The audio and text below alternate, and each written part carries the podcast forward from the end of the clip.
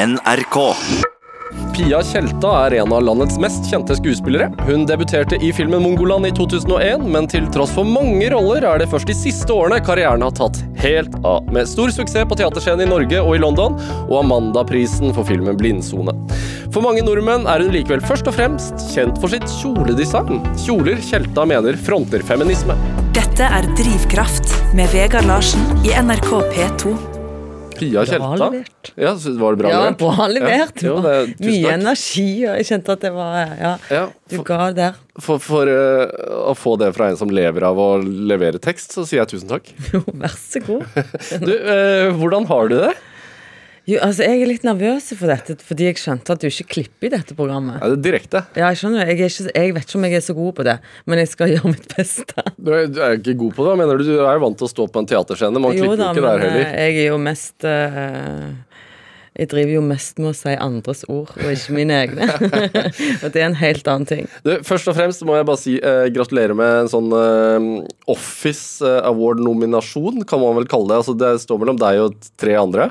Eh, to andre. To andre. Ja, Eh, så, totalt. og det her er, eh, for de som ikke vet det, en ganske høythengende teaterpris i London. Ja. Det er mange om beinet. Ja, det er jo det, fordi det er jo alle Off-West End-teatrene i London. Og det er det jo en god del av. Ja, for de som ikke vet det, altså det er, det er eh, For å være en norsk skuespiller og bli nominert og være en av to eventuelt som får den prisen, det er, det er ganske stort. Ja, det er jo veldig stas. Ja.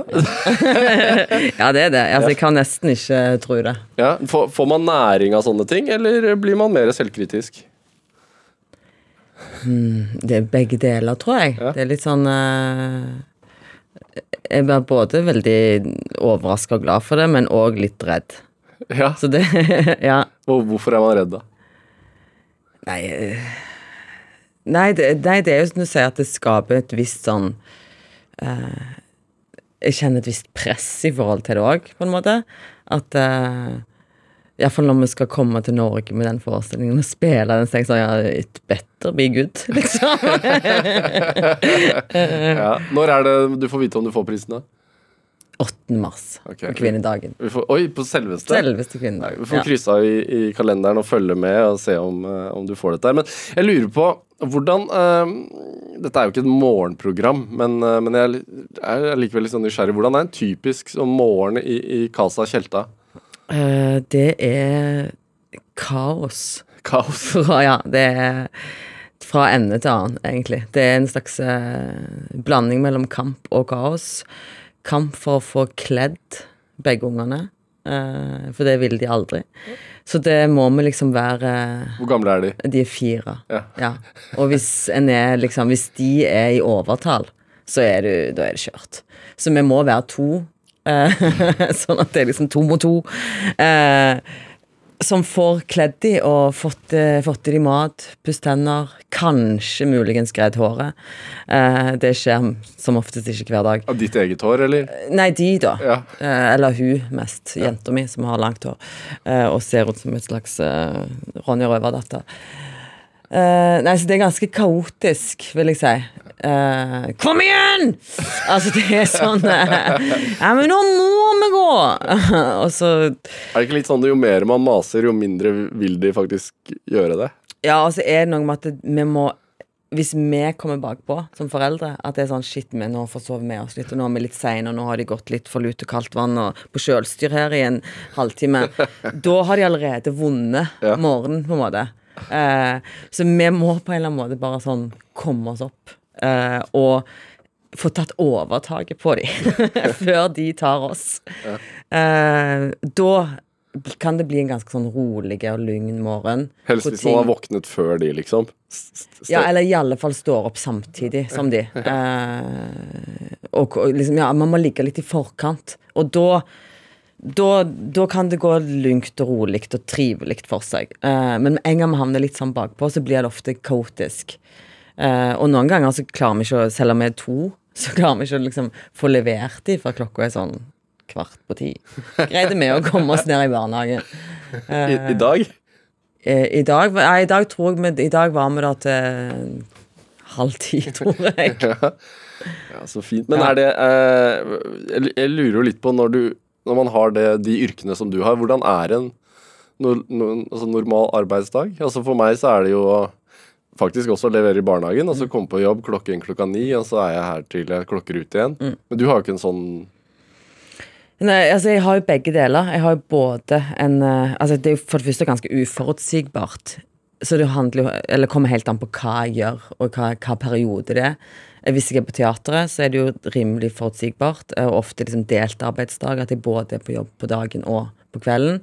Og kjæresten min har det mye sånn, at han både er på prøve og spiller. For han er jo også skuespiller. Ja. Øh, mens nå, når jeg kun Når jeg har en pause fra alt som heter skuespilleri, og kun jobber med design, så går jeg jo på kontoret. Som øh, Fra ni til fire, liksom. Og der er du din egen sjef, så du kan velge å komme kvart på ti. Ja, og der styrer jeg jo tida mi eh, sjøl til en viss grad, for der er vi jo bare to og en halv person på jobb. Ja. Hvil- Hvilke Hva er en halv person? en person som jobber tre dager i uka, og en person som jobber fulltid. Ja. ja.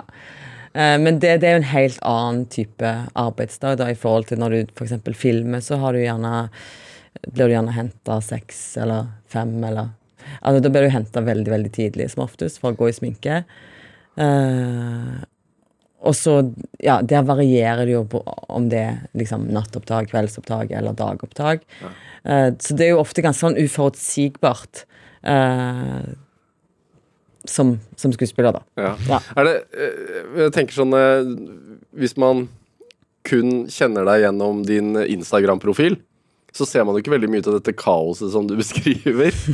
uh, der, der er det mye sånne røde løpere og varme svalbær og eh, forsider på magasiner og Og noen kjoler. fotoshoots og, kjoler, ja. Mm. Hvem er du på Instagram? Nei, der er jeg en slags uh, Instagram-versjon uh, som er Som absolutt ikke er den private personen, på en måte. Der, eh, der det brukes jo som en plattform for å enten selge uh, en film, en TV-serie, eller uh, klær.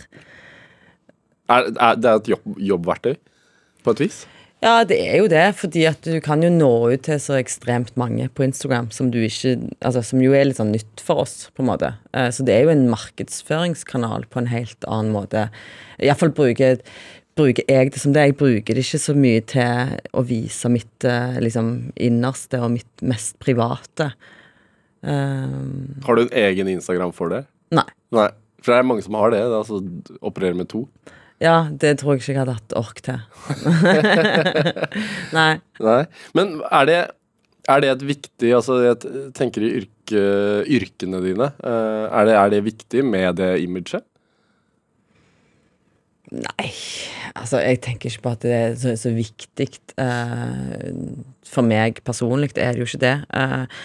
Eh, men eh, i kommersielle samarbeid eller sånne ting, så, er- så er det jo viktig. Ja. Eh, Og det er nesten 80 000 mennesker da som er interessert i livet ditt, holdt jeg på å si, hver dag. ja, og det er jo sånn eh, eh, Hva skal man si? Ja, I forhold til kommersielle aktører, da, så, så, er, jo det, så er jo det viktig. Ja. Eh, og mange tjener jo mye penger på, på Instagram. Men er det, er det viktig for deg, så du sier jeg er ikke privat der, det er viktig for deg også å verne om det? Du, du, har jo, du, du legger jo ut en del eh, bilder av venninnegjengen din, som, som jo eh, To av de har jo en veldig anerkjent podkast, hvor de er veldig private. Mm. Men du virker liksom litt mer Ja, akkurat det. Jeg har helt sånn enorm beundring for uh, Vanessa Synnøve som, som klarer det formatet. Altså eh, hver uke å levere liksom én times eh, gjennomtenkt eh, jobb. Eh, for det er jo og, og med så mye jobb som det eh, Som det medfører, og som hvor forberedte de er, og hvor, eh, hvor mye de legger i det. Et, helt sånn kjempebeundring for det. Og, men jeg, sånn som nå, bare det at jeg skal på radio, jeg blir nervøs av det. Hvorfor det? Jeg, jeg vet ikke. Jeg, eh, jeg føler at jeg er best eh, når jeg er liksom eh, nærværende med én til én, på en måte. Når jeg, når jeg kan være Men akkurat bare det der å spille av lyd av en stemme uten å se ansiktet, uten å se på en måte dynamikken mellom mellom de som snakker sammen. Det er litt fremmed for meg, på en måte. Det er rett og slett bare ikke mitt fora, tror jeg. Nei. Vi, men vi, vi skal jo bare nå sitte her og drikke kaffe og, og ha det hyggelig. Mm. Det er ikke noe farlig. Nei, det er ikke så du føler du må si noe smart, da, siden det er noen som skal gidde å høre på det. Dette er Drivkraft med Vegard Larsen i NRK P2. Og i dag sa vi hva, hva sa du nå? Jeg vet ikke om jeg er så slagferdig heller. i. Jeg vet ikke om jeg har det i meg. Nei, da- Nei.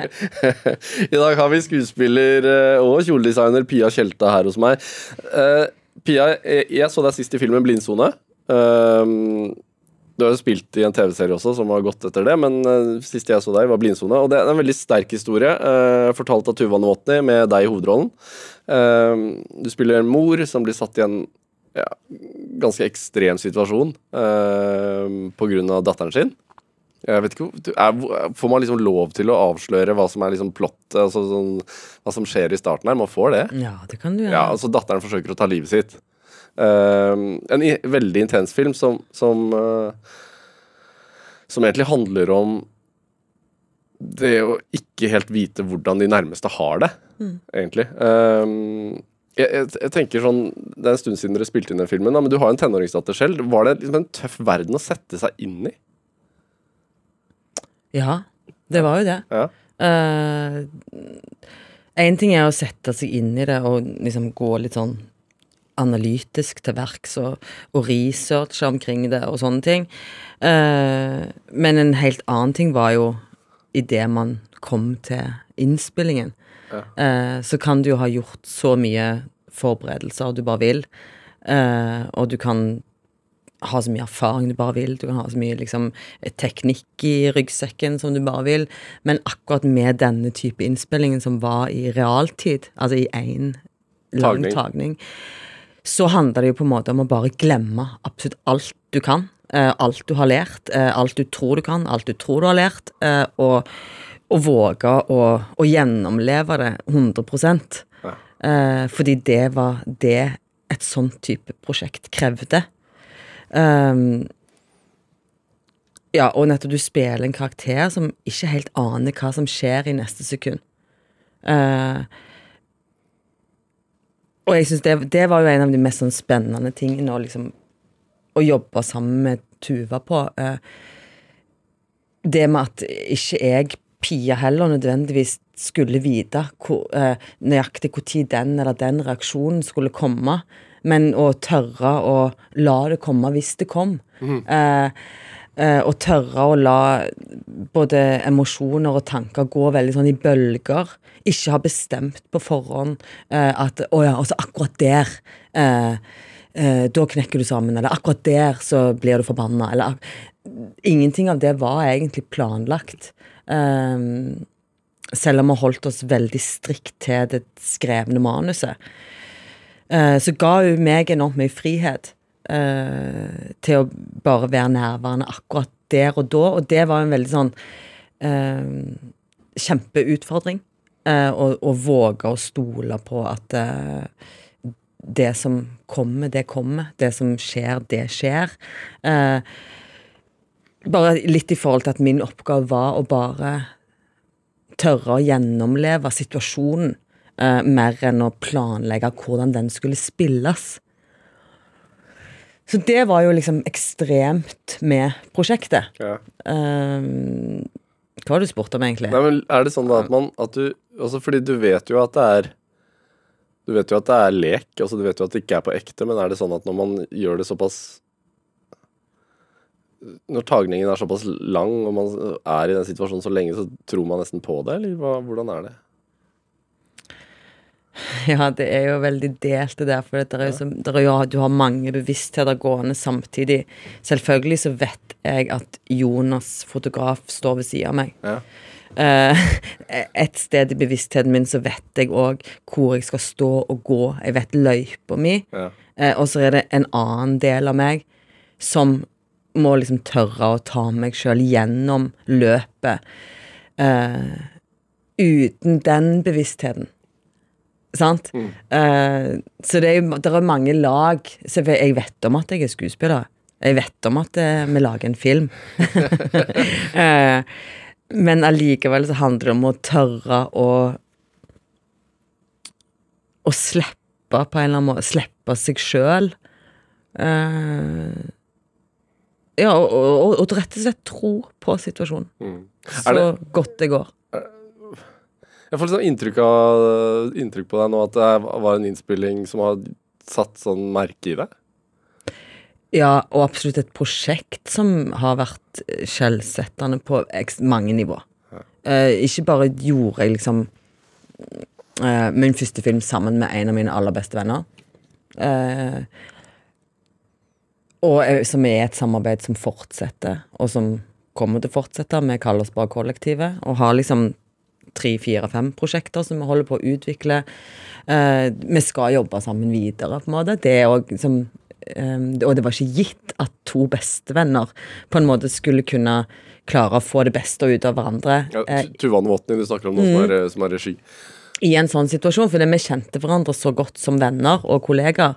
Eh, men vi hadde aldri hatt de rollene for hverandre før. Eh, og så funka det uh, veldig, veldig bra. Uh, så både det og selvfølgelig liksom tematisk så har det jo vært en film som har betydd masse for meg, og som Hvordan da? Eh, på, på, på mange nivå. Eh, både i liksom eh, I bevissthet omkring psykisk helse. Eh, I i forhold til at jeg har jo kommet nær masse folk og organisasjoner som jobber tett på den tematikken. Eh, ja, og det har jo blitt en, eller annen, en hjertesak for meg òg. det har blitt et, en, et tema, en, en tematikk jeg ikke klarer å slippe. Eh, eller ikke vil slippe, men som eh, Ja, det, jeg, har, jeg har møtt mange viktige folk for meg òg i prosessen med, i det arbeidet. Eh, Jeg jobbet tett med Monica Smith, som er, som er leder for organisasjonen Leve. Eh, Jeg jobbet tett med Eva Ness, som er overpsykiater på akuttsyk.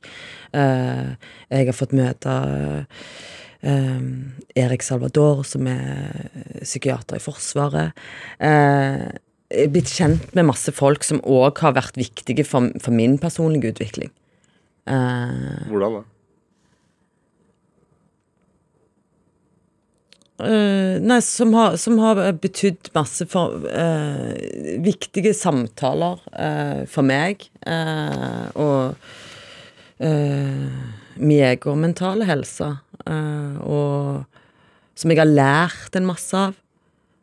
Um, ja, det har, det har rett og slett Det har vært mange faktorer eh, rundt arbeidet med blindsone som har eh, som har vært kjempeviktige. Det er det er jo, en, det er jo dessverre en sånn evig aktuell film, og sånn evig aktuell tematikk. Um, og, for det er jo en skjebne som rammer altfor alt for mange, at, at noen nær deg uh, forsøker å ta livet sitt. Da. Men hva, hva tror du altså, filmen kan bidra med? Altså, hva, hva har du lært selv i forhold til det?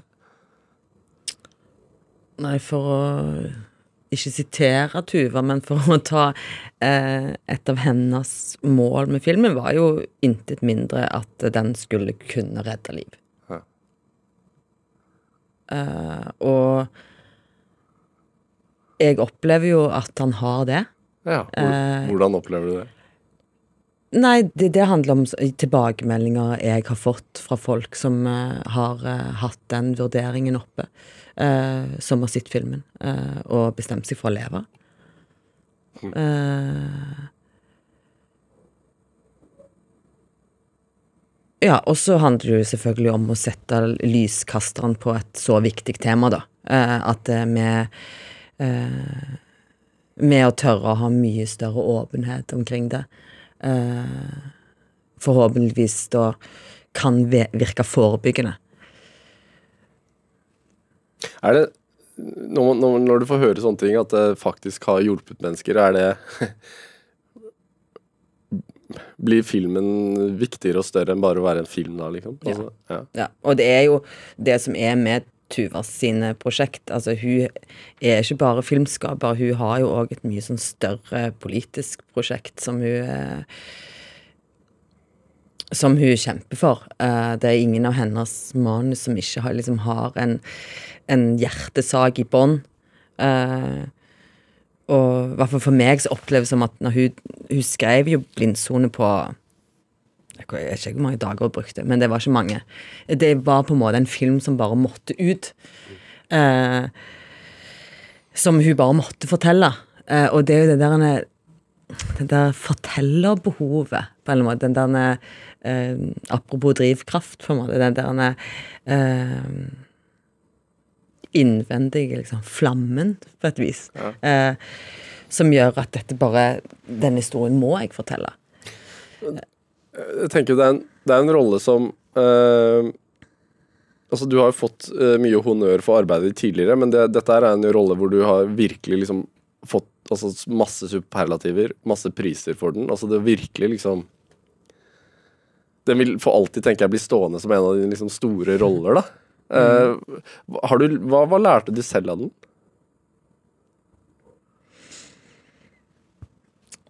Det er vel jeg har lært sånn Altså det er på, på mange forskjellige nå. Tenker du som skuespiller, da?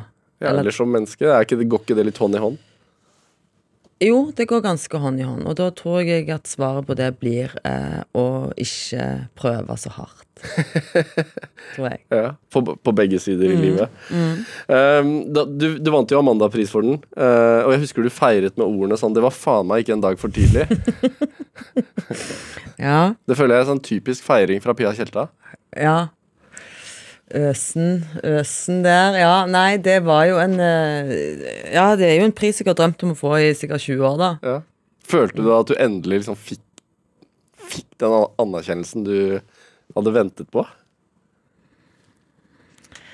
Ja, altså i den grad eh, De tinga liksom Hvor viktige man skal Hvor mye vekt man skal legge i de tinga, da. Men selvfølgelig Er det ikke viktig, da? Det er, For jo, for meg var det jo viktig.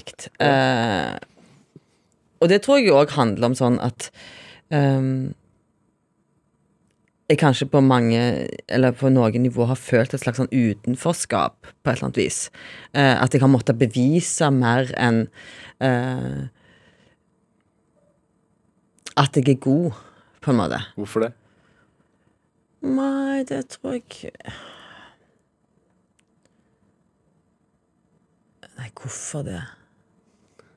Jeg, du vet, jeg har fått mange sånne klapp på skulderen som er sånn Jeg visste ikke du hadde det i deg, jeg.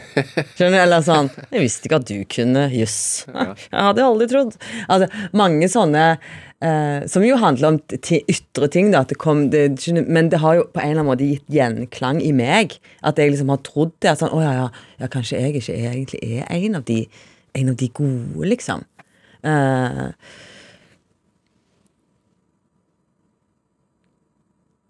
Ja, ja, og sånn etter, sånn mye sånn etter Lille, Lille Eyolf på Nationaltheatret òg, som òg var en sånn ting som Det var mange sånne reaksjoner som var sånn Kan du spille Visste isen, ikke liksom? at du eh, kunne Jøss. Nei, jeg har undervurdert deg totalt. Jeg visste ikke at det bodde i deg. Mm. Altså sånn uh, og- den har jeg fått ganske mange ganger. Hvorfor tror du at folk har undervurdert deg? da? Nei, det, jeg vet ikke. Jeg tror ikke jeg vil spekulere i det, egentlig. Det, det handler sikkert om mange, mange forskjellige faktorer. Ja. Sånne ting. Er det Altså, det var litt sånn Unnskyld uttrykket, også, men litt sånn fuck you å få, den, uh, få den prisen? Nei, men det var det, altså, det, det var det jeg følte. Ja vel, det var vel for faen ikke en dag for tidlig at jeg fikk dra hjem denne. Jeg har holdt på her og slita i 20 år og gjort noen ærlige dagsverk foran kamera, så nå var det vel på tide at jeg òg fikk ta med meg noe hjem. Dette er Drivkraft med Vegard Larsen i NRK P2. Og i dag så har vi skuespiller og uh, klesdesigner Pia Tjelte her hos meg. Uh, du, er, du, du er fra Grannes i Sola kommune ut, utenfor Stavanger. Ja. Hva, for de som ikke har vært i Grannes, sier man Grannes? Hva, Ja, Grannes, ja. Hva, hva, hva slags plass er dette? Nei, det ligger jo rett ved Tre sverd i fjell, da. Ja, de I Hafrsfjord. Ja. Er det altså tre sverd i fjell Altså, er det de sverdene ute i sjøen? Nei. ja, ja, de som står eh, De uh, vikingsverdene. Ja, det er rett der. Det er rett ved der. Så det er langs, langs Hafrsfjord. Uh, nede med sjøen, rett nedenfor Ullandhaug. Eh, så det er jo ikke så Det er bare 50 meter inn i Sola kommune. Så det er ikke så langt til Stavanger. Hvis du skjønner. Ja, er, ser man på kartet, så er det et stykke til Stavanger. Jo da, men det tar, eh, det tar syv minutter å kjøre. Ja. Ja. 40 minutter å sykle? Nei.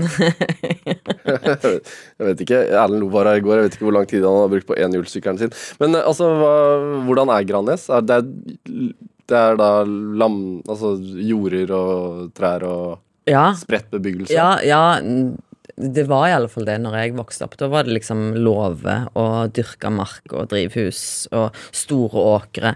Er du fra Eh, gård?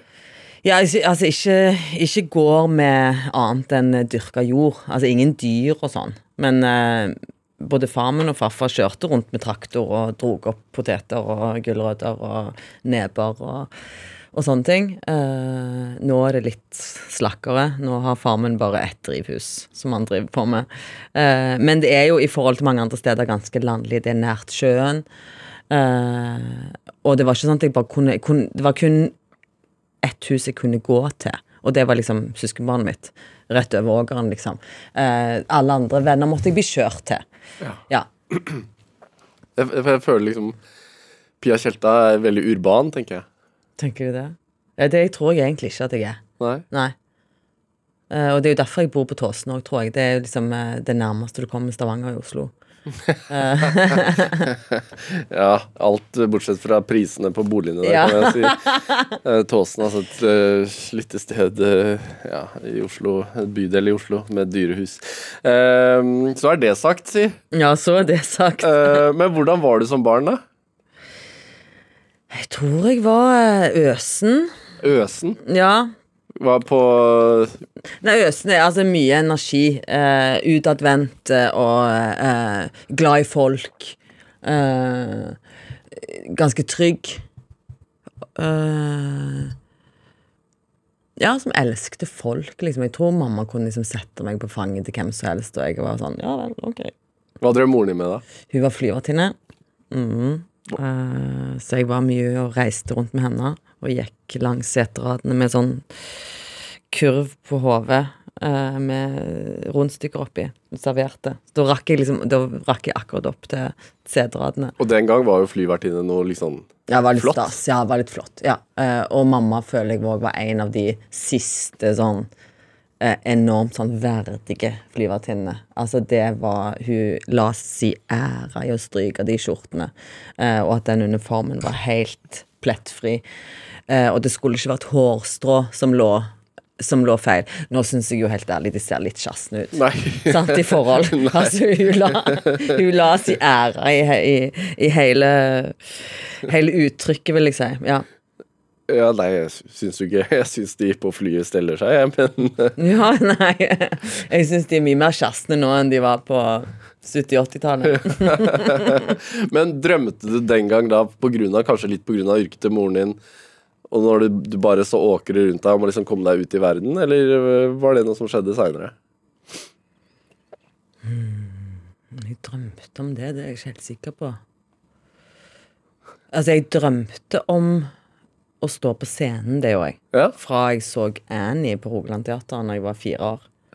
Så fra den dagen, når jeg satt på liksom første rad eh, og så de kostymene og de ungene som sang og hoppet rundt der, så, så, så husker jeg at jeg hadde en sånn Det der vil jeg òg. Hvorfor det? Jeg òg vil være med. Nei, jeg tror det var en sånn del, jeg vil være med. Jeg vil være en del av, eh, en, del av en gjeng. Og det er jo liksom det som dypest sett er jo mye av eh, det som som driver meg som skuespiller nå òg, er jo det at jeg elsker å være en gjeng. å være en del av ei gruppe. Et lag som lager og skaper noe sammen. Det er jo det jeg syns er aller, aller kjekkest med det. Men du, du har beskrevet deg en gang som altså, deg selv som barn som litt sånn smålubben med monobryn og bart. Ja, det var jo ikke akkurat, da var jeg jo ikke barn lenger, da var jeg jo litt mer ungdom. ja. Ja. Desto verre. Ja. Ja. Men hun jenta hadde også en drøm om det, eller? Å stå på scenen? Ja Jeg tror det. Ja, ja. Jo, for det, vi hadde jo Jeg gikk på Steinerskolen i Stavanger, og da hadde vi besøk av Slavateatret, en sånn svensk friteatergruppe, når jeg var vel da 17 år.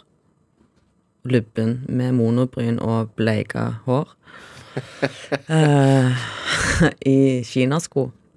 Eller nei, kanskje jeg hadde litt mer sånn skatestil akkurat på den tida.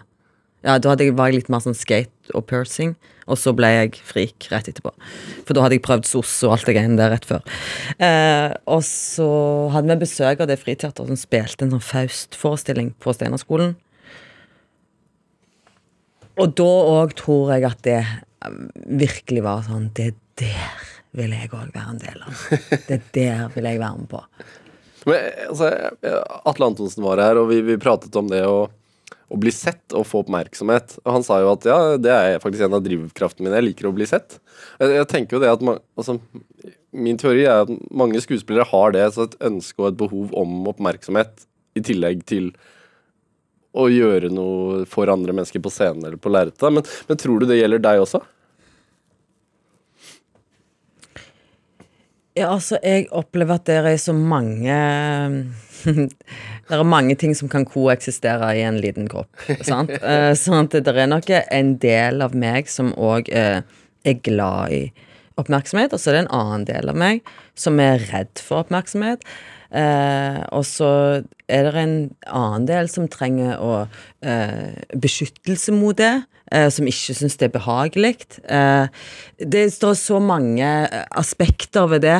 Eh, sånn at jeg Det er absolutt ikke min, mitt øverste tegn, sånn drivkraftsmessig, eh, at jeg vil ha oppmerksomhet. Eh, det er mye mer det å jobbe sammen med andre, og det vi klarer å skape eh, inni et rom sammen. Eh, og den nærheten til hverandre og til det materialet vi jobber med. Det er det som jeg syns er aller mest spennende. Eh, og det at der, For meg kunne det nesten vært sånn at det ikke kommer folk og ser på engang. Altså at det, at det er selve den prøveprosessen og hele prosessen med å Hva er det som er så fint med det, da? Det er jo Det er det mange forskjellige fasetter av det. Jeg liker jo ekstremt godt sånn ordnerding. Altså sånn språknerding.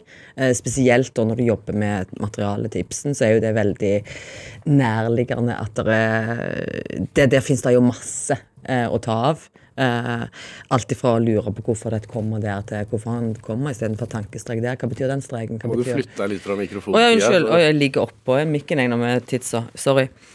Ehm, jeg skal lene meg lite grann tilbake. Ehm, og hele liksom eh, eh, Hvordan han liksom får det psykologisk til å gå opp hver eneste karakter. Hvordan stykkene i sin helhet bare sånn alltid går opp som et sånn matematisk stykke. Vi snakker om, snakker om Ibsen nå. Ja, Ja. snakker om hans, eh, hans uh, stykker. Ehm, ja, det, det er en av de tinga som jeg elsker. Eh, det er liksom Hva kan vi lære av Ibsen i dag, da? Tror du, altså, dere, dere har jo, du og Kåre Konradi har gjort stor suksess med, med Ibsen i London. Uh, både Lille Eyolf, som dere har tatt med dere fra Nationaltheatret her, men også uh, Fruen fra havet. Mm. Hva, hva lærer, hva, hvordan fungerer det i 2020? Det som er, er jo at uh, han der Henrik Ibsen, vet du, han uh, snakker om mennesker på en måte som jo ikke har endra seg noen ting fra når han skrev de stykkene til i dag. Eh, de folka han skriver om, eh, de eh, situasjonen de befinner seg i, og, de indre konflikter, er jo som om det var i 2020. Eh, og så er det noen telegrammer og noen greier som man må stryke ut. Og på en måte mye av mye av det rundt som kan være liksom vrient å ta med seg inn i, i moderne tid. Men absolutt de menneskelige skjebnene han skriver om, eh, opplever jeg at han skriver det som om, eh, som om det handler om oss. Hva, hva, kan man trekke ut av det i dag, da? Hvis man ser på liksom 'Fruen fra havet', som dere har gjort med stor suksess nå sist. Mm. Hva, hva, tenker du at det Nei, 'Fruen fra havet' handler jo om en moderne familie. Det handler jo om eh, en som er mamma til eh, to stedøtre, som eh, ikke slipper henne inn, og som ikke klarer å være nær, som ikke klarer å være mamma for. Det handler om et, et ekteskap hvor både han har vært gift før, eh, og hun har eh, vært i en relasjon før. Det handler jo på en eller annen måte om en du, moderne tenk, familie. Som du også er en del av? Ja, som jo veldig mange kan kjenne seg igjen i. Eh, og alle de utfordringene som som, som det fører med seg. Hmm. For, for, det, altså Får Ibsen deg til å tenke, deg, tenke mer gjennom eget liv? Ja, absolutt. Er det sant? Ja. ja. ja. Hver gang jeg har jobba med stykkene hans, så, så, gjør det det. Og for meg oppleves det jo veldig, veldig eh, relevant. Og veldig nært, de, de, de folka vi er. Er det, jeg synes det er interessant at en dame som en gang i tiden hadde e-postadressen Pia Popstjerne alfagull.com Skulle få det brukt i Skulle få det. Ja. Står og ja, det var humor, da, men det var ikke alle som skjønte det. du hadde det, sant? Du hadde det en gang i tiden? Ja, jeg hadde det en gang i tida. Ja, Du må ikke la venninner utlevere deg selv på bloggen sin, vet du. men det, du hadde, det var en popstjerne? Det, det var Pia Popstjerne, hotmail.com. Ja. Mm. ja. Ble ikke popstjerne, da. Ble ikke det, altså. Det er ikke for sent. Nei. Dette er Drivkraft med Vegard Larsen i NRK P2. Og i dag så har vi Pia Popstjerne her i studio. Nei, unnskyld. um, Pia Kjelte her, som, som, jo er skuespiller og, og klesdesigner. Uh, jeg tenker eh, om karrieren din Jeg syns det er noe interessant der. Fordi du har spilt i masse, eh, både TV og film, i snart 20 år, faktisk, har du blitt. Mm. Eh, det er ganske sjukt å tenke på. Ja, det er faktisk helt sjukt. Men jeg tenker, og du må arrestere meg hvis det, hvis det er helt feil, eller hvis jeg tråkker deg på tærne, altså, men, men, jeg tenker at det er liksom de første fem siste åra at det virkelig liksom har tatt av. Sånn ordentlig med hovedroller og store roller i TV-serier. Og også at du har liksom endelig har fått den anerkjennelsen du kanskje fortjener. Eh, og jeg tenker på det Og, og de fem siste årene så har kjoledesignet ditt også bare blomstret, for å, for å si det sånn. Eh, og, og, det som jeg syns er interessant med det, er at du fikk også tvillinger for fem år siden. Så, så, Fire, da. Hæ? Ja, fire år siden. Ja. Så samtidig som du er eh, gravid med tvillinger og får tvillinger, så Det virker som du har fått energi av det, istedenfor at, at, det har blitt tappet, at du har blitt tappet for energi. Mm. Ja, stemmer det? Nå spør jeg Ja, det, det, stemmer. Begge deler stemmer. Ja. Det, det uh, fins et todelt svar på det. Uh, men nå var det veldig mye i det spørsmålet, så nå må du, nå må du si hva jeg skal svare Nei, på. Jeg, jeg, jeg, spør egentlig fordi at jeg er småbarnsfar selv og merker at når jeg har en guttunge på halvannet år hjemme, så Så har jeg selv blitt mer fokusert, da. Mm. Uh, I hverdagen. Jeg har ikke noe mer tid til bullshit. Mm. Og, og når du har fått tvillinger, så har du enda mindre tid til bullshit, tenker jeg. Mm. Og, så det er egentlig spørsmålet mitt. Har, du mer, altså, har, du, har, fokuset ditt blitt enda tydeligere? Ja, altså, jeg har jo hatt barn hele min karriere. Ja. Eh, og i Altså, min eldste datter blir 19. Eh, så at jeg er jo ganske vant med at det alltid er noe som er viktigere enn meg. Eh, og jeg er ganske vant med å ha et annet fokus. Eh, ja, men det, det, du sier om at det um, hva er det du spør om, egentlig? Du spør om, om å ha fått energi, eller om det tapper energi? Nei, jeg spurte ja. om det, det virker som du har fått energi av det, og at det har liksom gjort fokuset ditt enda tydeligere på hva du vil. Ja, på sett og vis så har det jo det. Uh, man blir jo en uh, hardere prioriterer, liksom. Man uh, og det fordrer jo at du er nærværende akkurat der du er, eh, og ikke driver og ønsker deg andre steder hele veien.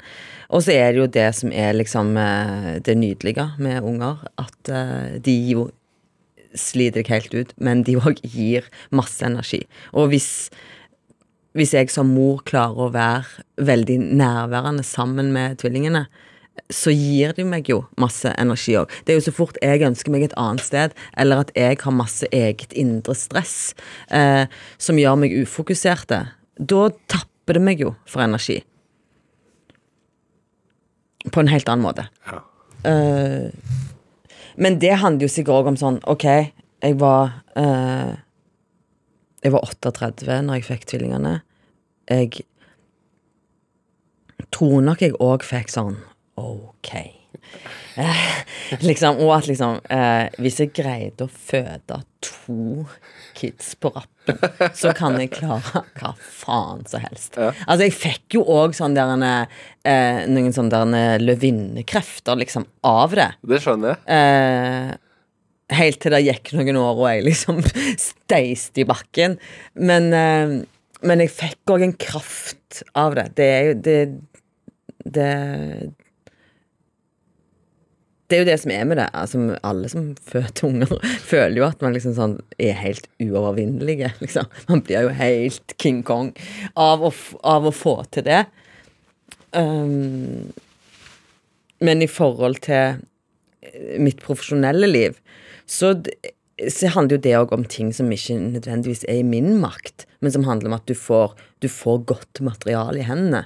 Uh, og det er mye lettere å være god med godt materiale. Sant? Altså, det er jo liksom, får du gode roller, så er jo det eh, en helt annen saga enn eh, å, å, å få en rolle som er kjæresten til, eller eh, Skjønner du? Altså, Som det har vært veldig mye som det har vært kjempemasse av, sant? Eh, så det er jo klart at når man blir liksom det drivende subjektet innenfor et, eh, innenfor et prosjekt Jævlig mye lettere å være god da. Blir man bedre som skuespiller jo eldre man blir? Fordi man får mer erfaringer? Ja, tror jeg. Det tror jeg. Men så tror jeg òg at det ofte jo handler om eh, Om liksom de Man skal jo ha òg noen sånne lykketreff opp igjennom eh, liksom et liv eller en karriere som, som jo handler om kunstneriske konstellasjoner òg. Eh, om hvem man er satt i lag med. Eh, og så har jeg vært heldig og hatt noen sånne, sant, som har vært en sånn eh, Sånne ting som har blitt hjerteprosjekt, som har blitt møte med enten medspillere eller regissører, som jeg vet at ok, vi kommer til å følge hverandre. Eh, sånn som med Sofia Jupiter og Kåre Conradi, som jo det første vi gjorde sammen, var Lille Eyolf, og vi hadde aldri jobbet sammen før. Eh, mens det opplevdes som en sånn Å ja, hvor rett var det? Det var helt rett. Uh, uh, og samtidig som jeg jo har hatt liksom, et samarbeid med Marit Moum Aune Uh, nå i London, eh, som jeg jo har jobba sammen med før. Eh, vi gjorde Få meg på, for faen, på Det Norske Teatret i liksom typ 2008 eller 2009. Eh, eller var det 2010, kanskje. Men uansett, vi har liksom òg fulgt hverandre eh, i mange, mange år. Eh, og så kommer man til det punktet der det plutselig sånn Å ja, nå klaffer alt. Dette er det vi skal gjøre i lag. Uh, Men det er litt sånn, jeg tenker når du sier det du sier, så er det litt sånn hvis, man, hvis noen ser deg og ser kvalitetene dine og gir deg en utfordring, så kan man klare det meste. Ja, og så er det jo ingen, Man gjør jo ingenting aleine. Sant? Det er nettopp det jeg òg mener med de konstellasjonene man er satt i. Er, er dynamikken innenfor ei gruppe eh, veldig god, så, uh, så blir prosessen god. Og da blir jo som oftest resultatet deretter. Det er sikkert noe man også kan ta med seg andre steder i, i livet, tenker jeg. Ikke bare på i teatret eller eh, når man er skuespiller eller Nei, og liksom òg det handler om at det, det er ikke du sjøl som er viktigst. Eh, noe med å la eh, medspilleren din være den aller viktigste. Ja. Sant? Liksom å sentre ballen. Det, du er med å score mål selv om det er du som sentrer ballen til han som skårer. liksom. Ja, oppgaven din er å spille de andre gode. Ja, ja. For å ta en annen Ja. fotballreferanse. Jeg bruker veldig ofte fotballreferanser. Men jeg, jeg tenker på det du sier at du øh, følte deg litt som en løve, at det var ingenting du var redd for. Altså, Var det det som gjorde at du tenkte ja, kjoledesigner, Det kan jeg jaggu meg få til, det også, fordi Jeg vet ikke hvorfor jeg begynte med det. egentlig. Nei, hvorfor det? Hvorfor puster du sånn? Nei, det er fordi at det er jo ekstremt mye jobb. Eh, og å ha en oppstart i en hvilken som helst bedrift er jo krevende. Ja, for du er gründer nå. Du har jo startet eh, for deg selv og har ansatte og Ja, men jeg har jo heldigvis eh, verdens beste samarbeidspartner i Arnt Jacobsen, som er hele liksom Han er hele maskineriet bak. som hadde jobba i denne bransjen i 100 år, og som kan greiene sine veldig godt. Så uten, uten at jeg hadde Arnt med på laget, og at vi var partnere i dette prosjektet, så hadde det jo aldri gått. Fordi eh, jeg gjør jo ingenting av salg eller distribusjon eller eh, lager logistikk og, og sånne ting. Hva gjør du? Jeg gjør alt det kreative. Eh, jeg tegner og jobber tett sammen med Nina Amble, som er min eh, designpartner. Eh, så jeg utvikler jo kolleksjonene, tegner, finner inspirasjonen. eh, ja, er på en eller annen måte sånn creative director. Uh, og så utformer vi det i lag. Eh, men jeg gjør jo òg Jeg maler showroom, og jeg uh, skyfler og ber eh, og Så det er din visjon. Ja, det er jo det. Og så kan jeg jo kunne, i fall, Jeg kunne jo ganske lite egentlig om denne bransjen, eh, og om det å bygge business i det hele tatt. Så det er jo liksom en trygghet for meg at jeg eh, jobber sammen med Arnt, som har hele Som har hele den erfaringen.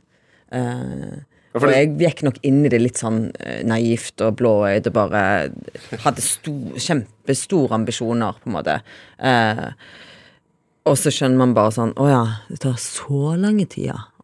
Og begynner, liksom, at det, de der babystepsene man må ta eh, når man skal bygge et nytt merke, eh, og alle feilene man gjør underveis, og alt du lærer eh, underveis altså det er, ja, Og det er jo på en eller annen måte en sånn 180% stilling. Ja, Er det egentlig et yrke man Ja, ikke sant? Ja, Hvis det er det- 180% stilling, hvordan kan man da ha en, ha en 100% stilling fra før, tenker Nei, jeg. det går jo Sier seg sjøl at det ikke går. Ja. Men er det Altså, fordi eh, din klesdesignkarriere startet jo ikke tilfeldig, men du ble spurt av eh, Baitimo for noen år siden om du ville være med å designe en kolleksjon. Ja. Eh, og så syns jeg jo det var veldig kjekt, og vi hadde det jo veldig gøy med det. Det var helt sånn uh, ny, upløyde mark for meg. Og det solgte masse, fikk masse oppmerksomhet. Ja, og det var veldig et kjempefint samarbeid som jeg uh, er kjempetakknemlig for. Eh, og det eh, Det åpna jo døra inn til noe som jeg ikke visste om at jeg elsket, på en måte. Eh, og det å jobbe med materialer og stoffer og farger og holde på med noe som var så ekstremt mye mer konkret enn det skuespilleryrket er. Eh, det er noe med at liksom, når du er med i en film eller en forestilling eller en serie, så er man, når man er med sjøl, så vet man jo på en måte aldri helt om Hvordan resultatet Nei, blir. nei eller, hvordan, eller om det er bra en gang når det er ferdig. For du, er, du, er, du er så inni det at det, det ytre blikket er liksom vanskelig å ha. Uh, mens med et plagg så vet jeg 100 sikkert når det er ferdig, og om det er fint eller stygt. Har du, har du vært på en premiere noen gang og tenkt sånn I all verden er det denne filmen jeg var med i? Nei Jo, kom igjen, da. Altså, de som jeg har frykta at, var- at ville gå ordentlig gærent, da har jeg jo ikke vært på premieren. da har jeg eh, Var du sjukskriven. Ja. Nei, men det er noe med det konkrete, håndverksmessige med det som jeg elsker. Eh, og så handler det litt for meg òg om at det er liksom Det er to sider av samme sak. Begge deler er historiefortelling. Jeg tenker akkurat likt når jeg designer som når jeg jobber fram en karakter. Men Hvordan tenker du? Altså, jeg bruker på en måte samme terminologien på et vis. At jeg eh, Fordi klær kan jo ofte virke Overfladisk? Overflad, ytelig, sant, Eh, og, og meningsløst. Eh, men i det øyeblikket eh, en person eh, tar på seg et plagg, så startes det jo en fortelling i det plagget. da skal jo eh, det plagget være med på å fortelle den personen sin historie. Eh, enten den skal være med på eh, når de døper ungen sin, eller når de gifter seg, eller når de Altså mange sånne store begivenheter da i livet, eller små. Eller ok, den lille kjolen der hadde jeg på meg når jeg traff mannen i mitt liv. Altså, det skal Det er med på å fortelle historier, da. Små hverdagshistorier eller store, eh, betydningsfulle historier som er med i noen sitt liv. Og det er jo det jeg liksom elsker eh, med det. Eh, og så kan jeg tenke sånn eh, Jeg kan se for meg en liten kortfilm eller en liten historie. Hvordan det plagget Hvor det plagget er. På hvilke jenter, og hva hun gjør, og hvor hun skal, og hvor hun har vært, og hvem hun skal møte på veien. Eh, Ja, du ser for deg disse tingene? ja. Ja. Ja. Jeg har liksom alltid en sånn liten bakfabel på hvert plagg, egentlig. Hvordan er det da å se Altså Hvis man ser f.eks. bilder av folks bryllup, da, så er det jo mange som har på seg en kjole av Tjelta eller Tjelta by Timo. Mm. Hva tenker du om det, da? Nei, det gjør meg veldig lykkelig. Ja, Ja, ja lykkelig? ja jeg blir lykkelig av det. Ja. Hvorfor det? Jeg blir liksom sånn rørt av det. At folk gidder å gå i driten, blir jeg skikkelig rørt av. Men uh, du, du har jo sagt at uh, du fronter litt feminisme altså du fronter feminisme med kjolene dine.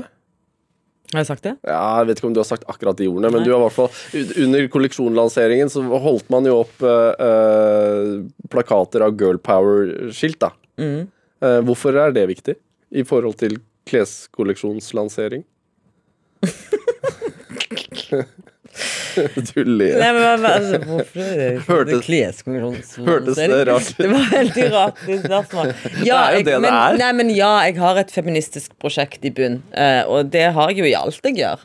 Uh, uh, og det å få andre damer til å føle seg vel, og, og det å i lag med andre være en del av et fellesskap eller et søsterskap, eh, er for meg viktig.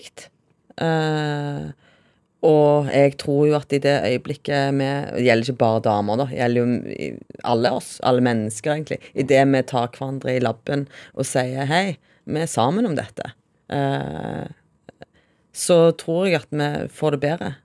Jeg tror vi klarer å utrette bedre ting, eh, og jeg eh, eh, og i, jeg, i i tillegg så liker jeg ideen om å gi jenter en uh, sjøltillitsboost, som vi jo vet at det er jo faen ingen jenter som har for mye av det. Sånn at det Jeg tenker liksom at det er en del av det som jeg liker med det, da. Ja. At jeg har lyst til å få andre til å føle seg vel. Er det Og så sier det noe om deg selv også. Skulle du ønske at de kjolene var der da du var ung? Som ga deg selvtillitsboost? Ja, eller jeg skulle ønske at jeg kanskje hadde noen som sa at det, det er ikke så farlig at du ikke har så mye selvtillit. Eh, det går helt fint, for sånn har jeg det òg. kanskje mer det. Eh, Ja, fordi du skrev jo nylig et sånt uh, innlegg i, i Nå husker jeg ikke helt hvilket magasin det var. L. I L, ja. Om at, uh, at det er viktig for deg at man våger å vise seg svak. At det å tørre å vise svakhet ligger ekstremt mye styrke. Mm. hva, hva mener, altså, Er det det du mener med det? Det står i den artikkelen, akkurat det jeg mener. Eh, at eh, eh, for meg handler styrke om å tørre å vise sårbarhet. Og det er styrke for meg å tørre å vise seg svak. Eh, og jeg mener at vi må bli bedre til å stå sammen i det.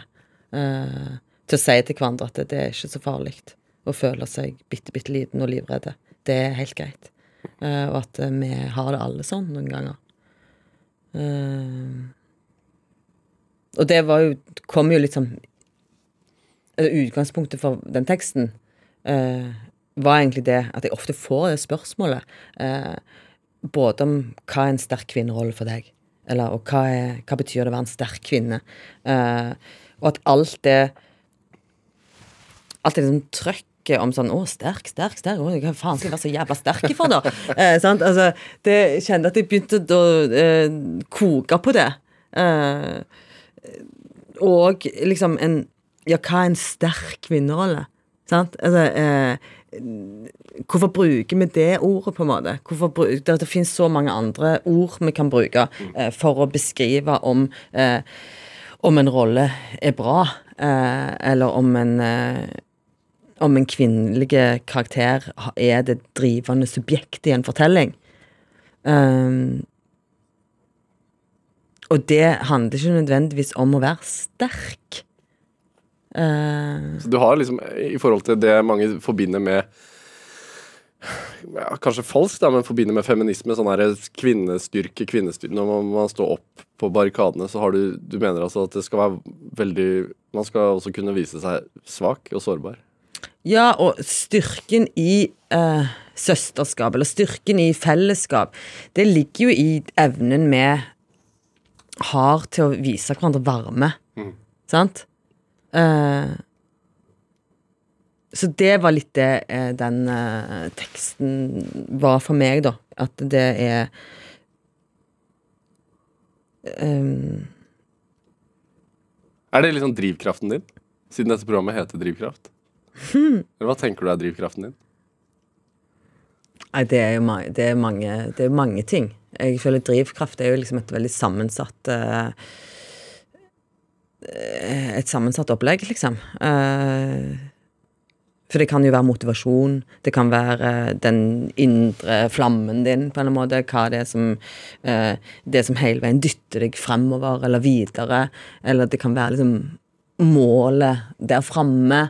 Det er så mange eh, aspekter ved det, da. Det kan være alt også. Absolutt, det kan være alt. Pia Tjelta, du, jeg kunne snakket med deg mye lenger, men det var det vi rakk i dag. Å, takk Gud at det er ferdig. Få meg ut herfra. Tusen takk for at du kom hit til Drivkraft. Du har hørt en podkast fra NRK P2.